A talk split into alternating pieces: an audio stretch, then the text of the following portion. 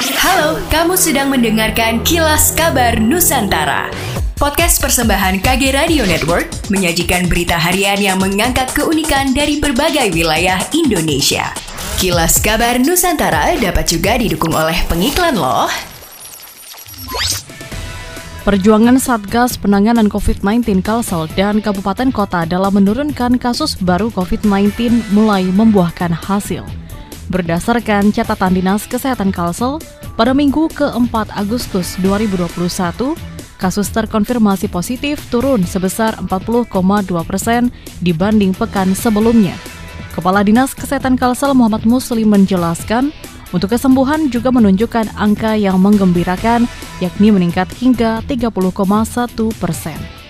Terkait case fatality rate, CFR, angkanya juga mengalami penurunan ke angka 25,4 persen.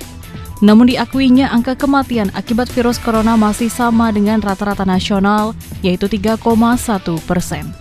Untuk itu, pihaknya lebih giat lagi mensosialisasikan 5M untuk meningkatkan kesadaran masyarakat akan pentingnya penerapan protokol kesehatan. Tahun ini Pemkot Palembang revitalisasi 20 titik taman. Sebanyak 20 titik taman dan bahu jalan di kota Palembang akan segera direvitalisasi pada tahun ini. Hal ini diungkapkan Kepala Dinas Perumahan Rakyat dan Kawasan Pemukiman PRKP Kota Palembang, Apan Parapanca Mahali. Apan mengatakan selain untuk memperindah kawasan taman di bahu jalan, upaya revitalisasi ini juga bertujuan untuk menyongsong target ruang terbuka hijau RTH dalam RPJMD pemerintah Kota Palembang 2024 agar terrealisasi. Apan menambahkan, sedangkan untuk luasan revitalisasi ini setiap titik memiliki luasan berbeda-beda, mulai dari 100 meter persegi hingga 500 meter persegi. Lokasi revitalisasi ini nanti berada di Jalan RI Marta Dinata, Jalan Basuki Rahmat, Jalan Angkatan 45, Jalan Demang Lebar Daun, dan Jalan Ahmad Yani.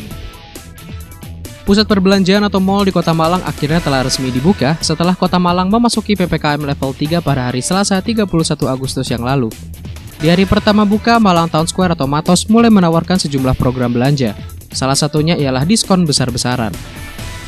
Dikutip dari suryamalang.com, sejumlah tenan atau toko menawarkan diskon hingga 70%. Bahkan manajemen Matos mengadakan undian berhadiah bagi pengunjung yang telah berbelanja minimal Rp50.000. Pengunjung akan mendapatkan satu kupon yang nantinya akan diundi dengan hadiah utama satu buah mobil. Mall Director Malang Town Square Vivi Trisjanti mengungkapkan pihaknya bersyukur karena akhirnya Matos telah dibuka setelah selama dua bulan harus ditutup. Sejumlah promo telah disiapkan termasuk di tenan maupun di setiap toko. Selain menyiapkan sejumlah promo, Malang Town Square juga telah menyiapkan tempat tongkrongan baru bagi pengunjung yang dinamakan Twilight Zone. Tempat tersebut berada di rooftop Matos yang dikhususkan bagi pengunjung yang ingin bersantai sembari menikmati hidangan makanan dan minuman.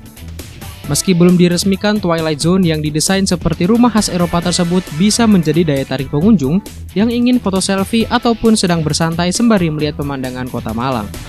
Bagi pengunjung yang datang ke Matos diharuskan untuk menunjukkan sertifikat vaksin COVID-19 melalui QR Code aplikasi Peduli Lindungi yang telah disediakan. Apabila tidak bisa menunjukkan sertifikat vaksinasi, maka pengunjung tidak diperkenankan untuk masuk ke dalam mall.